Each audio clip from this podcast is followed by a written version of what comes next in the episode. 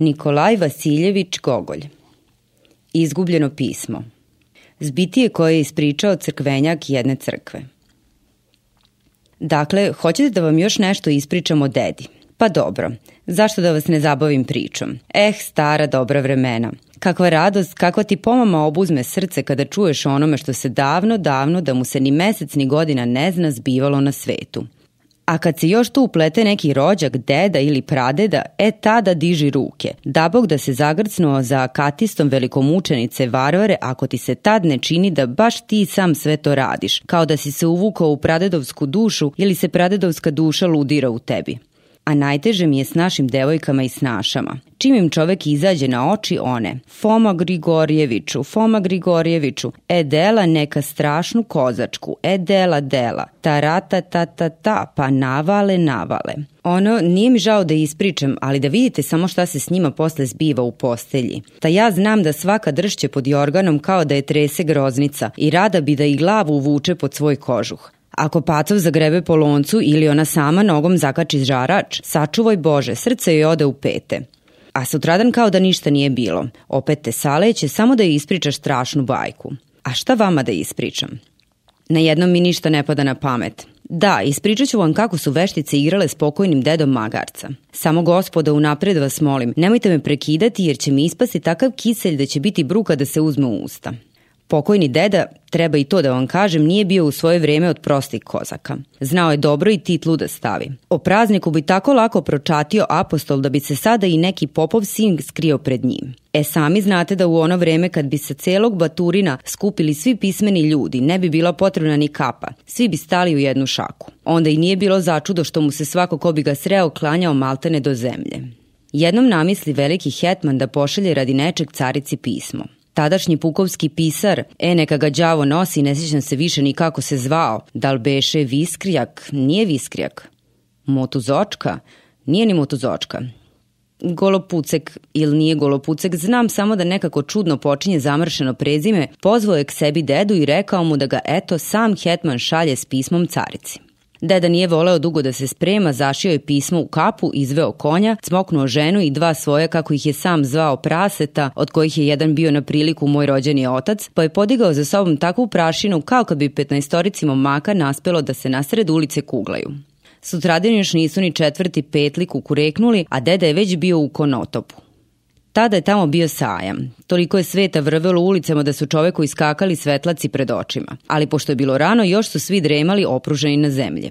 Pored krave ležao je momak Bekrija, nosa crvena kao kljun u zimovke. Malo dalje hrkala je sedeći trgovkina s kremenjem, plavilom za rublje, sačvom i đevrecima. Ispod kola je ležao ciganin, a na natovarenim kolima s ribom rabađija na samom putu ispružio je noge bradati Moskov sa opasačima i rukavicama. Jednom rečju bilo je svakakvih ljudi kao što je to obično na vašarima. Dede se zaustavi da bi sve dobro razgledao. Međutim, u šatorima počeše malo pomalo da se kreću.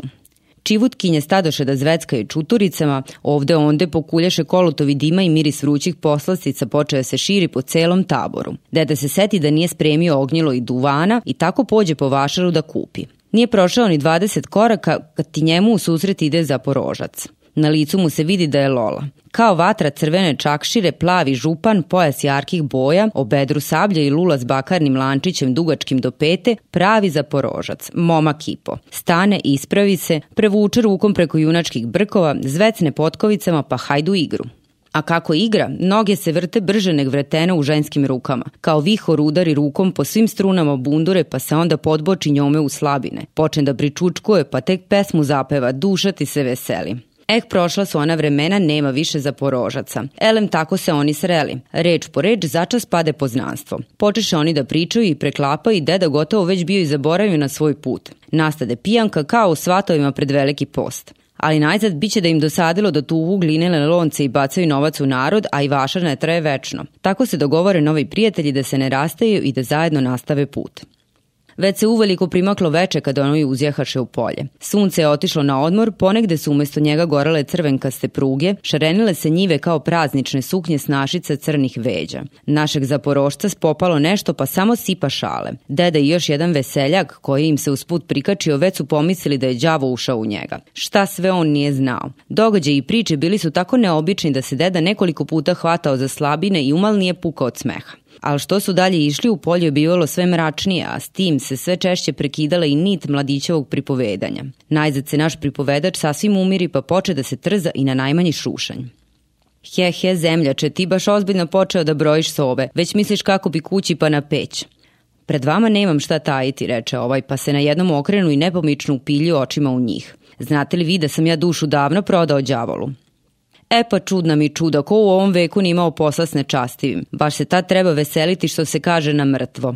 Eh, momci, veselio bih se ja da ove noći ne ističe roh. Ek, braćo, reči i pružim ruku te se rukoje s njima. Ej, ne dajte me, nemojte spavati jednu noć, doveka ću se sećati vaše dobrote. Zašto da se ne pomogne čoveku u takvoj nevolji? Deda odlučno izjavi da će pre dati da mu odseku pečin s glave nego da dozvoli đavolu da umiriše svojom psećom njuškom hrišćansku dušu. Naši bi kozaci jahali možda i dalje da noć nije obavila crnim plaštom nebu pa u polju postalo mračno kao pod ovčijim kožuhom. Samo se iz daljine svetluca plamičak i konji su se žurili načuljenih ušiju i prikovanih očiju u mrak jer su osjećali blizinu štale. Izgledalo je kao da im plamičak juri u susret i pred kozacima se pojavi krčma nagnuta na jednu stranu kao žena kad se vraća s veselo krštenja. U ono vreme krčme nisu ličile na ove današnje. Čestit čovek ne samo da nije imao gde da se raskomoti, da odigra grlicu ili gopak, nije se čak imalo gde leći kad piće udari u glavu i noge počnu da pišu slovo P. Celo dvorište je bilo zakrčeno kiridžijskim kolima, u šupama, u jaslama, u tremu, neko zgrčen, neko opružen, tek hrkali su svi kao mačori. Samo je krčmar kraj Žiška urezivao reckama na rabušu koliko su kvarata i osmina iskapile kiridžijske glave. Deda zatraži za njih trojicu trećinu vedrice pa otide u šupu. Legoše sva trojica jedan kraj drugoga. Deda nije stigao ni da se okrene kad ima šta da vidi. Njegovi zemljaci već spavaju mrtvim snom. Deda razbudi trećeg kozaka koji im se pridružio i podsjeti ga na obećanje koje su dali prijatelju. Ovaj se pridiže, protrlja oči i opet zaspa. Nije imao kud, morao je sam da stražari. Da bi nečim razgnao san, pregleda sva kola s robom, obiđe konje, zapali lulu, vrati se i opet sede kraj svojih. Sve mu je bilo tiho da se muva mogla čuti. Igla je, prividi mu se kao da iz susednih kola nešto sivo pokazuje rogove. Tu mu se oči tako počeše sklapati da je morao svaki čas da ih trlja pesnicom i ispira preostalom rakijom. Ali tek što bi se one malo razbistrile, opet bi sve nestajalo. Malo posle se opet ispod kola pojavi čudovište. Deda izbulji oči koliko je mogao, ali prokleti dremež sve je pred njim zamagljivao. Ruke su mu se ukočile, glava klonula i uhvati ga tako čvrst san da pade kao mrtav. Spavao je dugo i tek kad je u njegovu izbrijano te već dobro pripeklo sunce, tek onda je skočio na noge. Proteže se jedan put, dva put i počeša leđa, pa tek onda spazi da više nema tako mnogo kola kao juče. Kiridžije su mora biti krenule još pre zore. Pogleda svoje, kozak spava, a zaporošca nema. Raspituje se, niko ništa ne zna, samo je gornja svitka ležala na istom mestu. Dedu obuze strah i zebnja. Ode da pogleda konje kad ono nema ni njegovog ni zaporoščevog. Šta to treba da znači, recimo zaporošca je odnela nečista sila, ali ko je uzeo konje? Pošto je sve uzeo u obzir, deda je zaključio da je đavo zacelo došao peške, a kako je do pakla poprilično daleko, on mu je izdipio konja. Jako ga je bolilo što nije održao kozačku reč. E, misli on, nema druge, poći ću peške. Možda ću usput da sretnem nekakvog džampasa koji se vraća s vašara i već ću nekako kupiti konja. Htede da se maši kape, kad kape nema. Pljasnu rukama pokojni deda kad se seti da su oni za porožac još juče privremeno izmenjali kape. I niko drugi da je digne nego baš nečastivi. E, dobar si mi ti hetmanski glasnik, baš si lepo doneo carici pismo.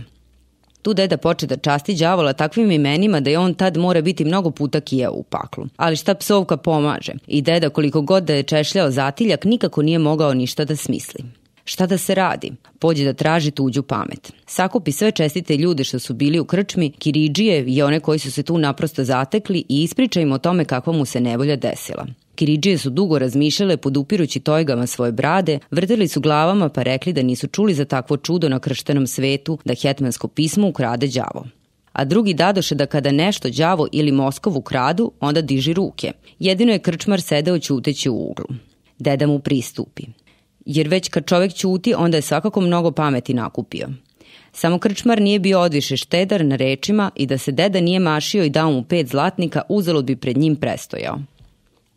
Ja ću te naučiti kako ćeš naći pismo, reče on i odvede ga na stranu. Dedi laknu na srcu. Vidim ja već po tvojim očima da si kozak, a ne žena.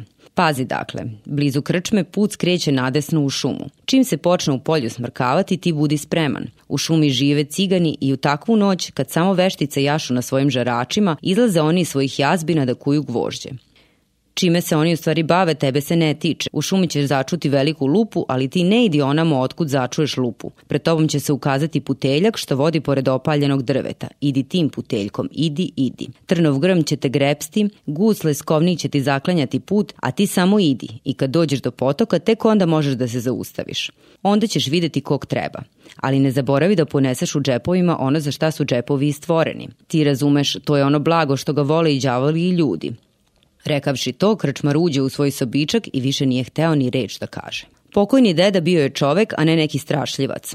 Sretne on tako vuka pa ga hvata pravo za rep, prođe li s pesnicama meć kozah, je svi kao kruške popadaju na zemlju. Ipak ga je nešto prolazila jeza kad je te gluve noći stupio u šumu. Bar da je jedna zvezda bila na nebu, mračno i gluvo kao u vinarskom podrumu. Čulo se samo kako daleko, daleko gore u krošnjama drveća hladni vetar besni, a drveće se razuzdano klati, kao ponekad pijane kozačke glave i šapće lišću pijane reči. Dok ti najdare dunu takva hladnoća da se dede seti svog ovče kožuha i diže se buka kao da stotinu čekića na jednom počeše lupati po šumi da je dedi sve zazvonilo u ušima. I kao da blesak munja osvetli za trenutak celu šumu. Deda odmah spazi puteljak koji je vodio kroz visoko šipražje. Evo je opaljenog drveta i trnovitog žbuna. Sve je tako kao što mu je rečeno. Ne krčmar ga nije prevario. Ipak nije bilo baš veselo probijati se kroz bodljikavo žbunje. U svom veku nije video da proklete bodlje i granje tako silno grebu. Skoro na svakom koraku dolazilo mu je da jaukne. Malo pomalo on izbi na čistinu i koliko je mogao da zapazi drveće se proređivalo, a što je dalje išao stabla su bila sve deblja, da deda takva nije viđao ni na poljskoj strani. Kad gle između drveća blesnu potok, crn kao bruniran čelik. Dugo je stajao deda kraj obale pogledajući na sve strane. Na drugoj obali gori vatra i izgleda kao da će se svakog časa ugasiti, pa se ponovo odsjajuje u potoku koji dršće kao poljski šljahtić u kozjačkim panđama. Evo i mostića, E tu valja jedino đavolje čeze ako mogu proći. Deda je ipak smelo stupio na nj i pre nego što bi neko uspeo da razvuče rog da udahne burmuta, već je bio na drugoj obali. On je tek sad razabrao da pored vatre sede ljudi i to takve umackane njuške da bi drugom prilikom Bog zna šta dao samo da izbegne takvo upoznanstvo. Ali sad nije imao kud, morao je da se upozna. I deda im se pokloni maltene do zemlje. Pomaže Bog dobri ljudi. Jedan bar da klimnu glavom. Sede i ćute i nešto sipaju na vatru. Deda spazi jedno prazno mesto i bez okolišanja sede i sam. Umackane njuške, ništa, i deda, ništa. Dugo su ćutke sedeli. Dedi već i dojadilo, stade da pretura po džepu, izvadi lulu, pogleda uokolo, nikoga ne gleda. E, uvažena gospodo, budite ljubazni, kako bi bilo da recimo, Dede dugo živeo u svetu i zna već kako se vode brbljarije i kad bi mu zapalo ni pred carem se ne bi obrukao da kažemo, na primjer, i da sebe ne zaboravimo i da vas ne uvredimo, ono Lula je tu, ali čime bih je zapalio, toga Bog me nema. I na to bar jednu reč da kažu. Samo neka njuška grunu rasplamtili ugarak pravo dedi u čelo i da se on nije malo pomerio, možda bi se oprostio zanavek s jednim okom. Videći najzad da vreme uzalud prolazi, rešio je. Slušalo ga nečisto pleme ili ne da ispriča stvar. Njuške okrenule uši da ga bolje čuju, protegnule šape. Deda se doseti, skupi sav novac u šaku, sve što je imao pri sebi, pa im baci kao psima na sredu. Čim je bacio novac, sve se pred njim uskomeša. Zemlja je zadrtala i on sam nije umeo da ispriča kako, već se našao maltene u samom paklu. A uh, zgranuo se deda kad se malo razabrao. Kakve nakaze. Jedna njuška gora od druge. Toliko puno veštica kao što nekad padne snega na Božić. Nagizdane, namazane, baš kao gospođice na vašaru. I svi koliko god da ih je tamo bilo, kao pijani igrali su neki đavolji trepak, digli prašinu da Bog sačuva. Kršten bi čovek sav uzdrhtao samo kad bi video kako je visoko skakalo đavolje pleme. Bez obzira na sad strah, dedu spopade smeh kad je video kako su se đavoli psećim njuškama i krivim nogama, vrteći repovime uvijali oko veštica kao momci oko lepih devojaka, a muzikanti udarali sebe u obraze pesnicama kao u dajre i pištali nosevima kao da duvaju u lovačke rogove. Čim spaziše dedu, grunuše kao ruljak njemu. Svinska pseća, jareća, dropljina i konjska rila, sve to poteglo da se ljubi. Pljunu deda, tako mu se zgadilo. Najzad ga uhvatiše i posadiše za sto koji je bio dugačak valjda kao put od konotopa do baturina. E, ovo nije sasvim loše, pomisli deda kad je ugledao na stolu svinjetinu, kobasice, seckani luk s kupusom i mnogo svakakvih poslastica. Vidi se da đavolja bagra ne drži postave. Deda pak ne mari za to znate nije propuštao priliku kad bi mu se ukazala da omasti brk. Jeo je pokojnik sa apetitom i zato je ne upuštajući se u mnoge priče privukao sebi činiju s iseckanom slaninom i šunkom, uzeo viljušku koja je bila malo manja od vila kojima seljak skuplja seno, zahvatio njome najveće pače, metnuo na koru hleba, kad gle, sve ode u tuđa usta. Baš kraj njegovih ušiju i čuje se čak kako neka njuška žvaće. Škljoca zubima da se čuje duž celog stola. Deda ništa ne reče, uze drugo pače i taman ga već dohvati usnama kad i ona ode u tuđe grlo. I treći put opet promaši. Razbesneo se deda, zaboravio na strah i u čim se šapama nalazi pa priskoči vešticama. Jeste li vi Irodovo pleme namislili da se sprdete sa mnom, a? Ako mi ovog trena ne date moju kozačku kapu, bio ja katolik ako ne okrenem vaša svinska rila na zatiljak. Još on nije čestito ni izgovorio poslednje reči kad ti sve nakaze iskeziše zube i prasnuše u takav smeh da mu se srce steže. Dobro, procika jedna veštica koju je deda držao za najstariju među njima, jer je njena obrazina bila maltene lepša od drugih. Kapu ćemo ti dati, samo prvo moraš da odigraš s nama tri puta magarca. Sad budi pametan, kozak da sedne sa ženama da igra magarca. Deda počeja se nećka, nećka i na kraju sede. Donesoše zamašćene karte kakvim kod nas samo popove kćeri gataju o mladoženjama. E, slušaj, zalaja veštica, ako bar jednom dobiješ, kapa je tvoja, a ako sva tri puta ostaneš magarac, nemoj se ljutiti, ne samo kapu, već možda ni bela sveta nećeš više videti. Deli, babuskero, deli, neka bude šta bude. I podeli ona karte. Uze deda svoje u ruke, tako đubre da mu se i ne gleda, da se bar jedan adut našalio. Od boja, desetica najstarija, nema čak ni para, a veštica sve meće po pet karata. Morao je da ostane magarac. Onog trenutka kad deda osade magarac sa svih strana zarazaše, zalajaše, zagroktaše njuške. Magarac, magarac, magarac. E, misli on, veštica je u mešanju probrala karte, sad ću ja deliti. Podeli on karte, okrene adut. Pogleda karte, boja ima koliko hoćeš, a ima i aduta. U početku je stvar išla na može bolje biti kad veštica baci pet karata s kraljevima. Dedi u rukama sami aduti. Ne misleći ni nagađajući dugo, on raspali onim adutima kraljeve po brcima. He, he, pa to nije kozački. A čime ti to pokrivaš, zemljače? Kako čime adutima? Možda su to kod vas i aduti, tek kod nas nisu. Pogleda on, a ono prosta boja. Đavolja ujdurma. I drugi put je morao da bude magarac i đavolja sorta poče ponovo da se dere. Magarac, magarac. I to tako da se sto tresao, a karte skakale po stolu. Dede se ražestio i podelio poslednji put karte. Opet ide dobro. Veštica opet ima pet karata, deda pokrije i skupi špila punu ruku aduta.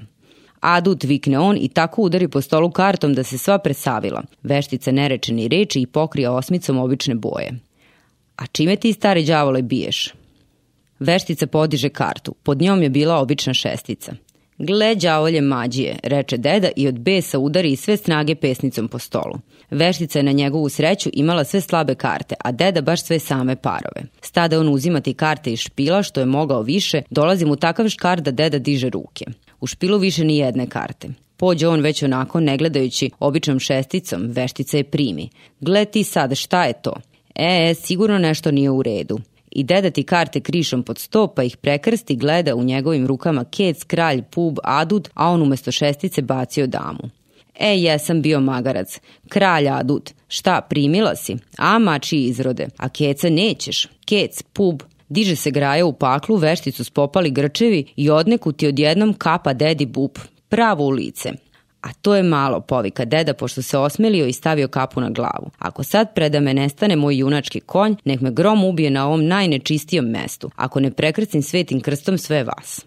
I već je bio digao ruku kod na jednom začegrtaše pred njim konjske kosti. Evo ti tvog konja. Zaplaka se jadni gledajući ih kao nerazumno dete. Žao mu starog druga. Dajte mi već bilo kakvog konja da se izvučem iz vašeg gnezda. Đavo lupi korbačem, konj kao vatra, uzvinuo se pred njim i deda kao ptica poleti na njemu. Ipak ga je strah spopao nasred puta kad je konj ne obazirući se ni na njegove povike ni na dizigne, skakao preko provalije i močvara. Kuda se on nije prolazio, zadršeš i od samog pričanja. Jednom pogleda on nekako sebi pod nogi i još više se uplaši. Provalije, strašna strmina, a sotonsku životinju baš briga. Pravo preko provalije. Deda se drži, ali hoćeš. Preko panjeva, preko humki, poletao je strmoglavice u provaliju i tako je tresano na zemlju da mu se činilo da mu duša ispade. Barem se nije ničega sećao što se s njim tada zbivalo i kad se malo prenuo i osvrnuo, bilo se već sasvim razdanilo. Pred njim su se pružala poznata mesta i on je ležao na krovu sobstvene kuće. Kad je sišao s krova, deda se prekrsti. Kakvo prokledstvo, kakav ponor, kakva se čudesa s čovekom ne dešavaju. Pogleda na ruke, sve u krvi. Pogleda u bure s vodom koje je tu stojalo i lice u krvi. On se valjano umi da ne bi uplašio decu. Uđe polako u kuću i ima šta da vidi. Deca uzmiču na traške prema njemu i sva preplašena pokazuju mu prstom govoreći. Gle, gle, majka kao luda skače. I odista žena sedi, spava kraj grebena, drži u rukama vreteno i onako u snu podskakuje na klupi. Deda je uze polako za ruku i probudi je. Dobar dan, ženo, jesi li zdrava? Ona ga je dugo gledala iz kolačenih očiju i najzad poznate dedu i ispriča kako je sanjala da je peć išla tamo amo po sobi isterujući napolje lopatom glinene lonce šafolje i đavo će znati šta još. E, kaže deda, tebi u snu, a meni na javi. Vidim da će trebati da osvetimo kuću, a sad ne smem više da oklevam. To je rekao, pa pošto se malo odmorio i nabavio konja, sad se već nije zadržavao ni danju ni noću dok nije stigao do određenog mesta i predao pismo lično carici. Tamo se deda nagledao takvih čuda da je imao posle toga nadugačko da priča kako su ga uveli u tako visoke odaje da i deset kuća da postavi jednu na drugu ne bi doseglo te visine. Kako je pogledao u jednu sobu nema nikog, u drugu nikog, Ni u trećoj nikog, čak ni u četvrtoj nije bilo nikog kad li u petoj sedi lično careca sa zlatnom krunom u svojoj novoj novcatoj svitki u crvenim čizmama i jede zlatne viljuške, kako je naredila da mu naspu punu kapu para, kako je svega se čovek ne može ni setiti. O svom baktanju s đavolima deda je zaboravio i da misli, i ako bi se desilo da mu neko samo pomene o tome, ćutao je kao da se to na njega ne odnosi i stajalo nas je velikih muka da ga namolimo da ispriča kako je to bilo. I valjda kao za kaznu što odmah posle toga nije dao da se osveti kuća, sa ženom mu se svake godine i baš u isto vrijeme dešavalo tako čudo da je samo igrala. Čega god se prihvati, mnogi započnu svoje i nešto ih goni da pričučkuju.